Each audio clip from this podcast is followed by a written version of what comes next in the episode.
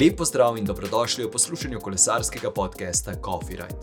Moje ime je Uroš in v tej epizodi je bil moj gost Krištof Knap. Pa prisluhnimo, o čem sva govorila. Če ti je podcast Coffee Ride všeč, se naroči na Apple Podcasts, Google Podcasts, Anchor, Spotify in na trikrat vojneve.coffeeride.com. Takole, danes v moji družbi Krištof Knap. Krištof, lepo pozdravljen. Zdravo. Kako si? V bistvu super. V bistvu super, Ja. odlično. Krištof, uh, si zdravnik Kolesarske zveze Slovenije, pa nekdani atlet. Zdaj, to je en tak kratek opis, zato ti predajam besedo, pa te v bistvu sprašujem, kako bi se predstavil nekomu, ki ga srečaš na ulici, ki, ki te ne pozna. V bistvu bi najprej en kratek popravek. Eh, Okej.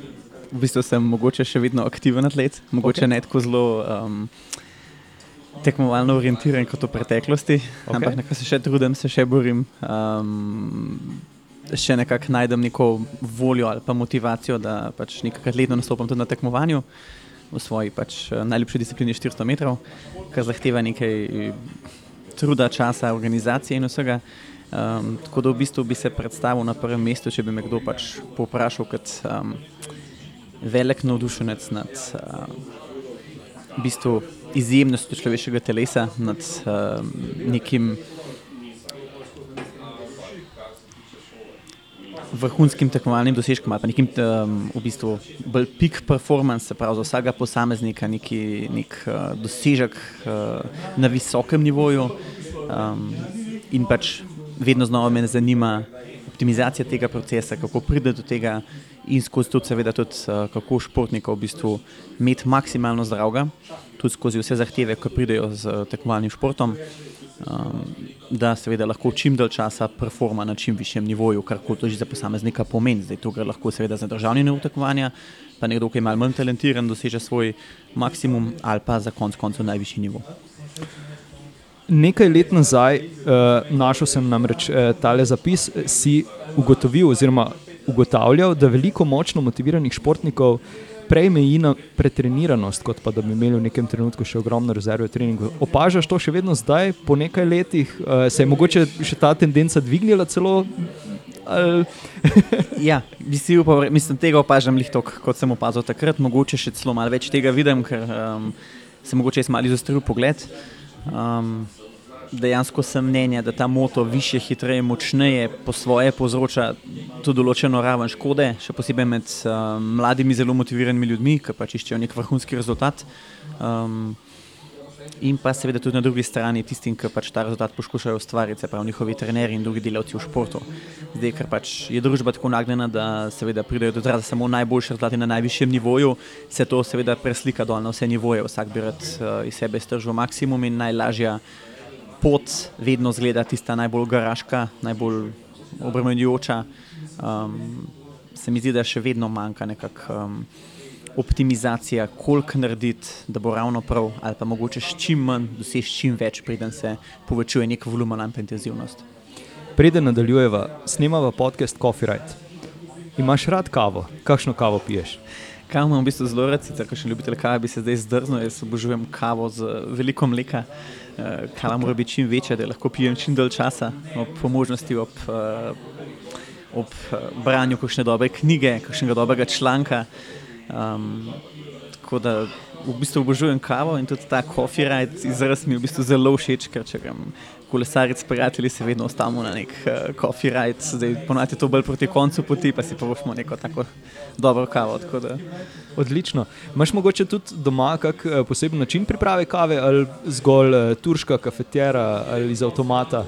Uh, v bistvu doma mi kavo pripravlja moja draga, ima ona tak recept, ki ga jaz ne dosežem, trenutno se ne vtikam, kako to formulo v bistvu naredi. Uh, Drugače sem pa velik ljubitelj dobro pripravljene, pripravljene kave iz uh, pač avtomata, nisem avtomata, um, pač te prave kave. Um, Z kakovostnim sestavinem, mlekom. Mislim, znam zelo dobro oceniti, da je kava dobro pripravljena ali ni. No, če ko jo pač pijem zunaj, pa mislim, da sem kar tak zahteven uh, konzumator kave. Odlično, odlično. Zdaj, uh, si, tako rečeva, si zdravnik na športnih dogodkih. Uh, čeprav uh, sem, sem največ se morda fokusiral na kolesarske dirke, ampak vseeno, Kje vse si se že znašel, zdaj, da jaz ne naštevam vsega tega, kar sem našel, ti ja, predajam besedo. Ja, sprva mogoče ne tako v zdravniški vlogi, sem sodeloval z Hokejsko zvezo Slovenije, ki mi je tudi v bistvu omogočila. Um, pravzaprav mednarodni študij IOC Diploma in Sports Nutrition s sofinanciranjem šolnine tega študija. Uh, pri njih sem bil v bistvu zadolžen za izobraževanje mladih uh, športnikov z področja v bistvu športne prehrane, regeneracije, nekega zdravega odnosa do, um, do v bistvu grajenja tekmovalnega, pač dobrega rezultata. Um, potem sem pa v bistvu svoj pot nadaljeval v nogometnem klubu Radomle, takrat je v bistvu nogometni klub Radomle še v drugi ligi. Um, to zdaj traja v bistvu to sodelovanje že tri leta, smo v prvi ligi, smo se v bistvu na koncu odlično odrezali, končali kot šesti. Bilo se mi zdi kar veliko presenečenje, da smo pač ostali sploh v prvi ligi, kaj še da smo bili šesti. Um, potem začelo to tekmovanje z Kolesarsko zvezo Slovenije, vmes tudi z Akademskim vaterpolskim klubom Kran, seveda tudi Kolesarski klub Kran. Um, potem zdaj v bistvu gradimo tudi neko sodelovanje z Atletsko zvezo Slovenije, delam pa tudi s precej posamezniki iz različnih športov. Tako da v bistvu dela na tem področju mi zaenkrat ne manjka. No. Vse sem ravno hotel reči, kako to spraviš v 24 ur. ja, včasih, včasih je v bistvu kar težko. No. Zdaj, če se fokusiramo na kolesarske dirke, kakšna je vloga po tvoje zdravnika na kolesarskih dirkah. Zdaj, če poskusiš mogoče opisati uh, svoje delo ali pa, ali pa zgolj en tak oris, uh, oris kratek. Zdaj, na sami kolesarski dirki, med samo dirko, seveda zdravnik pokriva um, področje vseh poškodb, pacov, koordinacijo tega, tudi pač čisto prvo posredovanje, seveda ima vedno um, zadnji, pač seveda tudi reševalce. Um, Zdaj, med, med daljšo dirko, med etapno dirko, pa seveda pride tudi do, ali pa recimo med daljšim dogodkom, recimo svetovno prvenstvo, ki je najprej za kronometer, pa potem za nastop, nastop na um, posamični cestni dirki. Um, gre pa v bistvu tudi za kritje vsega, kar se dogaja v mestu, to je zdaj bodi si od raznih prehladov, mogoče manjših pacov, tudi konc koncev utrujenosti, kakšnih gastrointestinalnih težav, um, tako v bistvu zelo različne vloge. Takoj pod vprašanje, kako težko je mogoče prepričati eh, športnika ali pa kolesarja, če izpostaviva, recimo po hudem pacu, kjer vemo, da zelo radi nadaljujejo dirko. No? Kako ga prepričati, da pa vseeno ni pametno, da, da sedi nazaj na kolo. Pa... Zdaj vedno tukaj uporabljam argument, da bom tako rekel, da ima pištola, toliko pa toliko nabojev, ki jih lahko izstreliš v celotni karieri, pa da je mogoče včasih boljš uh, zbrati moči za takrat, ker lahko na svojih 100% nastopaš, ker pa po nekem hujšem pacu sem prepričan, da redko kdo lahko da 100% od sebe v naslednjih nekaj etapah ali pa naslednji etapi sami po sebi. Če pa že iztisne svoj maksimum tisti trenutek, pa tako globoko poreže v neko tisto svojo vitalno rezervo, ki je stvarjam, da jo je v življenju omejeno za skrutniko, tako substanco življenjsko um, za neke rezultate, da bi jaz to vedno odsvetoval, seveda se pa pač treba odločiti. Zdaj, če, če seveda neka zelo velika zmaga, neka taka zadeva na dosegu, pa je to mogoče uspeh karijere, ne ponovljiv, v tem primeru seveda splača s tak naboj streli, če se tako izrazim, če nadaljujem to. Če pa, če pa ne, potem pa pač je zmeraj odsvetoval, da se pač uh, prehrane moči za kakšen drug dan, drugo priložnost. Uh, Rekl si da, si, uh, da si še vedno tekmovalec. Pa zdaj, če se vrnemo vseeno, mogoče nekaj let nazaj, ko še nisi opravljal vloge zdravnika, koliko krat si ti potreboval recimo, pomoč, oziroma koliko krat si ti se morda uh, ne strinjal z, z zdravnikom na kakšni tekmi? Ja, V bistvu ne, bom, bom malo obrnil mogoče vprašanje, zdaj bom bolj obrnil smer, kolikrat se jaz v bistvu nisem strinjal na prvi ravni z, ja, lahko tudi z nasvetom zdravnika, po kakšni poškodbi, kakšne mišice. Um, ko se da športnik sliši, da bo rabo za povratek 3 do 6 mesecev, se mu zdi to tako nerealno dolg čas in uh, tako zelo ne, nerealno, da si sedaj misliš, To pa ne, to pa pač ne bo šlo skozi. Predolgo, predolgo obdobje, pa v bistvu teh 3 do 6 mesecev, tudi s tekom kariere, v bistvu zelo hitro mine, ali si poškodovan ali nisi. Um, tako da jaz sem bil v taki situaciji, po drugi strani sem pa tudi v situaciji, ko recimo bolj taka, kot je v bistvu trener ali pa trening partner, poskuša malo držati nazaj, pa birati takoj vse tisti trenutek zdaj, pa to mogoče ni takrat najbolj primerno. In takrat res se mi zdi od teh, da imaš nekoga, komu zaupaš nekoga, ki ti zna v bistvu na ta prav način razložiti, zakaj to ni smiselno, ker se mi zdi, da se tako dejansko na dolgi rok gradi vrhunski rezultat. To so take mikroodločitve, mogoče iz treninga v trening, um, iz tekme v tekmo, ki na koncu naredijo veliko razliko. Um, te preprečijo kakšno poškodbo. Um, kakšno izgorelost uh, znotraj sezone, recimo, nekako ti, izbol, ti, ti mal, mali koraki na koncu gradijo, se mi zdi, nek optimalen rezultat. No. Disko izvidnico po Sloveniji je podprla fundacija Primoža Rogliča. Ta je nastala z namenom, da ukrepi razvoj kolesarstva ter pomaga mladim športnikom.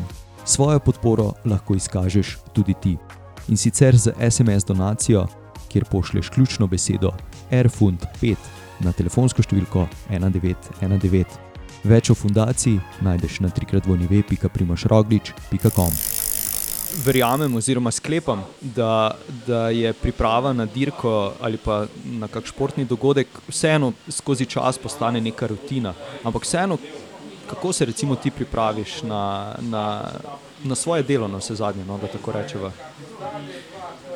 Zdaj, kot na samo dirko. Recimo, pred... recimo na samo dirko, tako je. Ja. ja. Kot jaz, tekmovalec ali kot zdravnik? Uh, kot zdravnik, kot zdravnik, pardon. Ja. Mislim, vedno imam, v bistvu sem si ob začetku tega dela, pa ko sem še nekaj pač, um, delal, v bistvu tudi uh, v sklopu nujne medicinske pomoči. Imam pač sestavljeno neko svojo športno torbo, nisem športno torbo, zdravniško športno torbo, v kateri imam pač v bistvu vse pripomočke, ki pač večinoma upam, da jih ne bom potreboval, se pravi od vseh setov za. Um, za analgezijo, razni povoji, razne komprese, um, zdravila vseh vrst, od um, vem, tudi, um, raznih sedativov za hujše poškodbe, adrenalina in tako dalje. To je predvsem tista, se mi zdi, osnova za to, da, da veš, da imaš po roki vse in da se ni treba zanašati na, na nekoga drugega.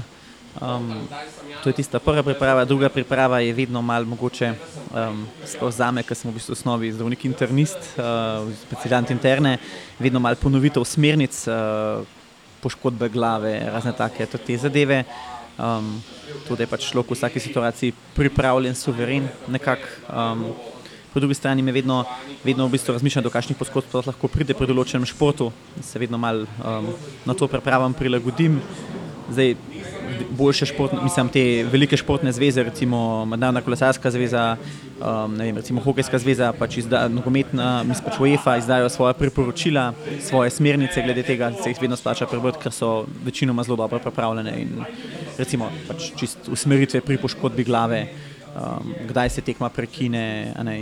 Tukaj mi je zelo všeč, ker so v zadnjih letih dejansko uh, podarili, da je temu, da vedno odloča zdravnik, ali se bo tekma nadaljevala, oziroma bo tekmovalec lahko nadaljeval. Ker recimo v športih, kjer pač nogomet, mislim, kjer denar še vedno zelo diktira vse skupaj, je bila mogoče včasih tendenca, da se je pač poskušal nekoga obdržati v igri, ne, zaradi samega rezultata. Pa se mi zdi zelo pomembno, da je v bistvu ima tukaj stroka besedo, kdaj, kdaj je zadeva končana.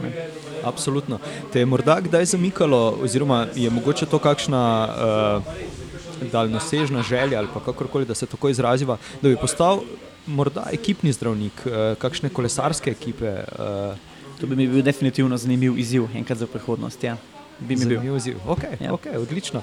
Um,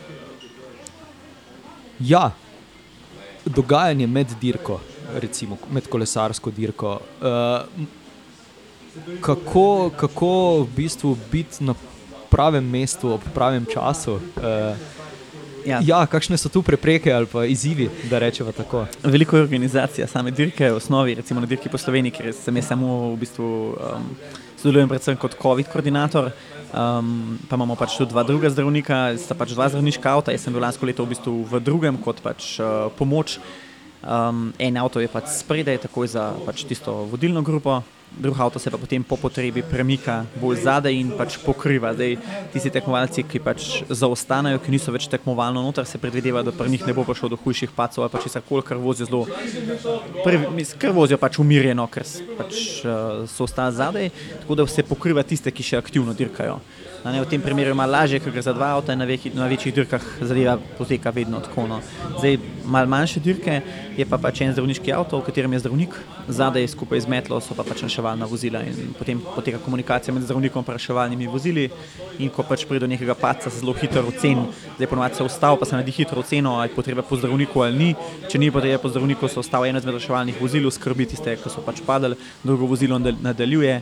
Zdaj, po, po potrebi, seveda, to vozilo, ki je te oskrbelo, koga transportira, mogoče v bolnišnico na slikanje, na karkoli tasga, drugo vozilo je pač stalno pri dirki, če bi se seveda še kaj zgodilo. Zdaj, odlično si navezal na moje naslednje vprašanje. E, tale epizoda bo izšla, ko bo za nami že druga etapa, oziroma tik pred e, štartom tretje etape dirke po Sloveniji naslednji teden. Pa me zanima COVID protokol. Kaj zdaj, če nekomu izven dirke poskusiš to razložiti, kaj sploh to je, oziroma na kakšen način poteka? COVID protokol v osnovi je nek um, protokol varovanja um, tega vrhunskega športnega dogodka pred udorom okužbe, ki bi se tak do, dogodek. Um, uničili ali pa mogoče v prihodnosti zelo preprečili izvedbo. Seveda, če bi v samem začetku bile blazne pojavi okužb na vseh kolesarskih dogodkih, na dirkah, bi seveda bile te dirke prepovedane, ne bi dobile dovoljenja za organizacijo in tako. Tako je pa v bistvu, ker se je že od začetka vzpostavil nek strokovit protokol, um, pa odorov pač okužbe ni bilo, so bile kolesarske dirke v bistvu ene izmed prvih velikih tekmovanj, ki so bile kljub COVID-u stalno na koledarju in tudi nobena od večjih dirk, nobena od Grand Tourov ni odpadla. Tur je bil preložen, ampak odpadel pa ni in tudi um, Giro d'Italia je bil izveden pač potem kasneje jeseni, ampak vse dirke so bile izvedene in na nobeni dirki tudi ni bilo večjih izbruhov okužb. Včasno je bila pač kakšna ekipa mislim, izločena zaradi števila okužb, ampak načeloma so bile dirke dobro speljane. In ta COVID protokol je v bistvu organizacija, če čist uh, zelo ponostavim, um, celotnega pelotona, se pravi vsega osebja, pomožnega, uh, vseh kolesarjev in pa vseh zonanjih v neke mehurčke.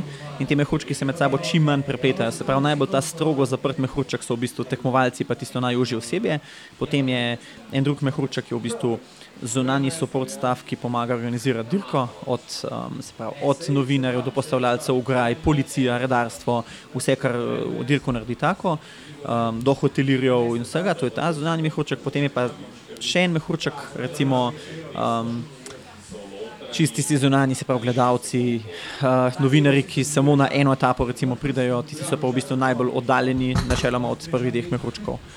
Um, zdaj, z vzpostavitvijo teh mehurčkov, pa z pač preprečitvijo križanja, se nekako um, zaenkrat zelo dobro omejil dostop do kužbe, do tistih ključnih, um, kako ne rečem, uh, akterjev. akterjev, akterjev. Uh, da, da mogoče zdaj. Um, ja, tako le rečeva.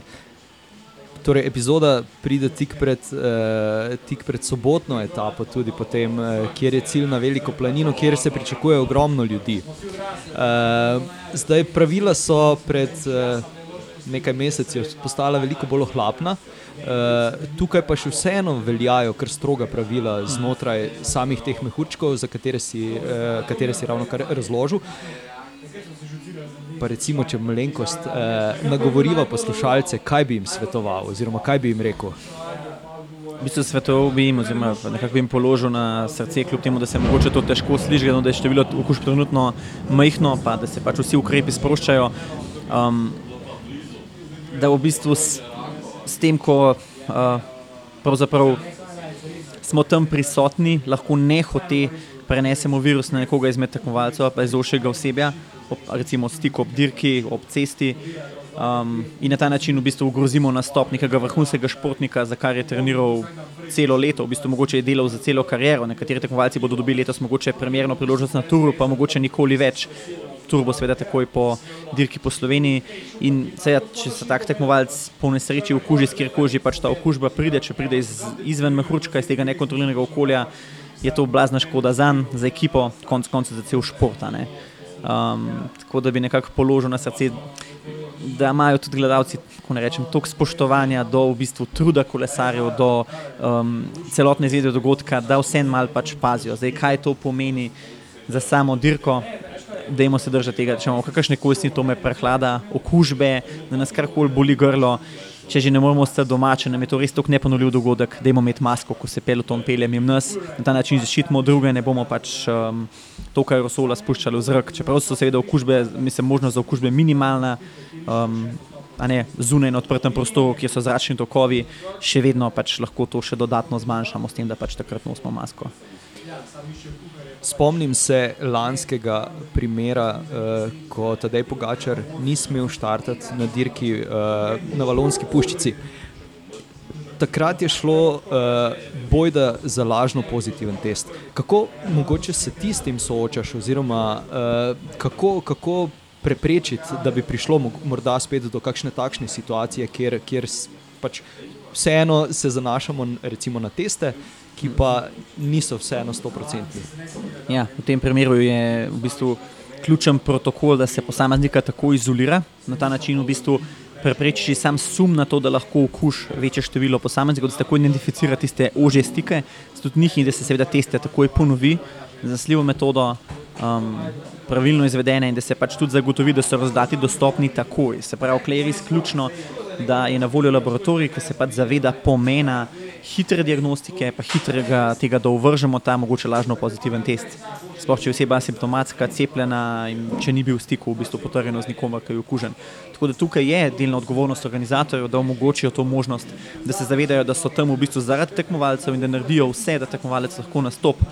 Um, če seveda gre pa za resno okužbo, pa da pač poskrbi za varnost vseh ostalih, ga ustrezno izolira in pač izloči iz dirke. No. Pač se obe plati medalje sta pomembne. Disko izvidnico po Sloveniji je podprl Primoš Rogličov.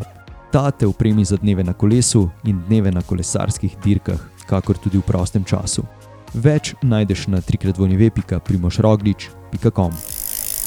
Vprašanje, koliko kolesariš? Zdaj je to en kar velik preskok, ampak vseeno. Eh, ko, koliko nameniš kolesarjenju uh, v svojem urniku? V bistvu trenutno, kljub temu, da res obožujem iti na kolo zelo malo, uh, še vedno v bistvu aktivno sprintam, uh, tečem, nekako pač imam nek organiziran trening program um, in v bistvu kolo mi res um, zelo nič. Uh, Noge za tek, če se tako zelo, zelo osnovno izrazim. No. Pač čist mi razbije tonus, nimam nobenega občutka za samo stezo. Okay, Ampak okay. recimo lansko leto v jesenskem času sem potem dosti kolesaril, um, sem si pač na proste dneve vzel čas za kolo, mislim, da sem naredil ne, neko malenkost, nekih 1200 km. No. Okay, okay. Zdaj, uh, tole je tudi eno vprašanje, ki se skozi ponavlja. Uh, kakšno kolo voziš? Ja, Scott Edict, uh, 10. Uh, v bistvu se mi zdi super, fantastično kolo za moje trenutno sploh, um, količino časa, ki poživim na kolesu in tudi posvečanje temu športu, večkrat presega v bistvu moje zahteve. No, Omenil si, eh, si že, da greš s prijatelji rad na coffee ride. Je kakšen tak ultimativni, ki si ga morda že stokrat prevozil, pa še ga boš stokrat, ali pa kak, ki si ga morda samo enkrat, pa ti je ostal tako zelo v spominu? Ja, en, tak, en tak uh, zelo dober coffee ride skupaj, v bistvu sem trenutno iz Kranja in imam pač uh, nekaj kolegov iz Kranja, ki tudi kolesarijo, uh, dva od njih sta tudi pač zdravnika in gremo potem skupaj na coffee ride, pa nadgremo na Naceta, se pravi preko uh, Soškega polja, pa potem vzpon na Naceta na poti nazaj se ostavimo v Škofi Loki v Vahtanci.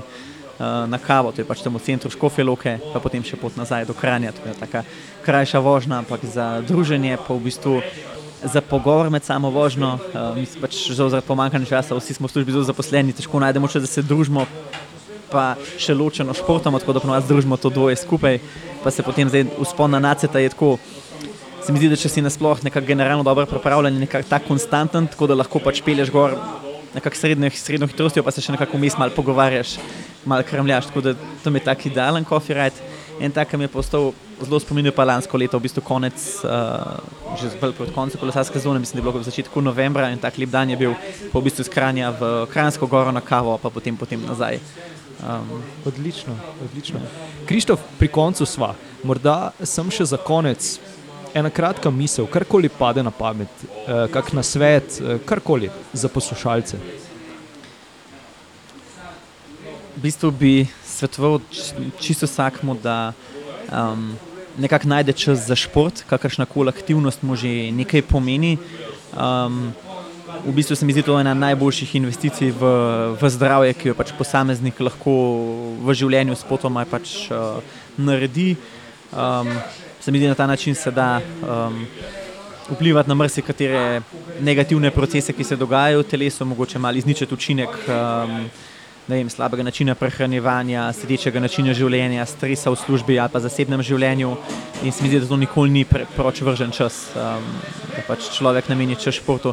Seveda bi pa hkrati v isti sapi dodal, da je to pač fino početi v nekih normalnih okvirih. Uh, v bistvu, če nimamo neke zelo dobre osnovne priprave, bi vedno svetoval začeti z nizko intenzivno vadbo. Zdaj, ko govorim ravno o kolesu, jaz sem zelo velik zagovornik vadbe, pa se nanašam samo na vate, ker verjamem, da večina nima vatmetra. Um, se pravi, vožnja v coni dve, kar se pulza tiče, pa to dol časa, nek pogovoren tempo, pa samo da traja, da metabolizem dela, da mitohondri upravljajo svojo nalogo. In se mi zdi, da je to taka stvar, ki jo v bistvu lahko vsak počne. Odlično. Krištof, najlepša ti hvala za ta pogovor. Z veseljem. Krištofu še enkrat najlepša hvala, da si vzel čas za pogovor. Če želiš Copyright podpreti, odklikaj na trikratvojneve.copyright.com pošiljka Coffee Shop in z nakupom podpri delovanje podcasta.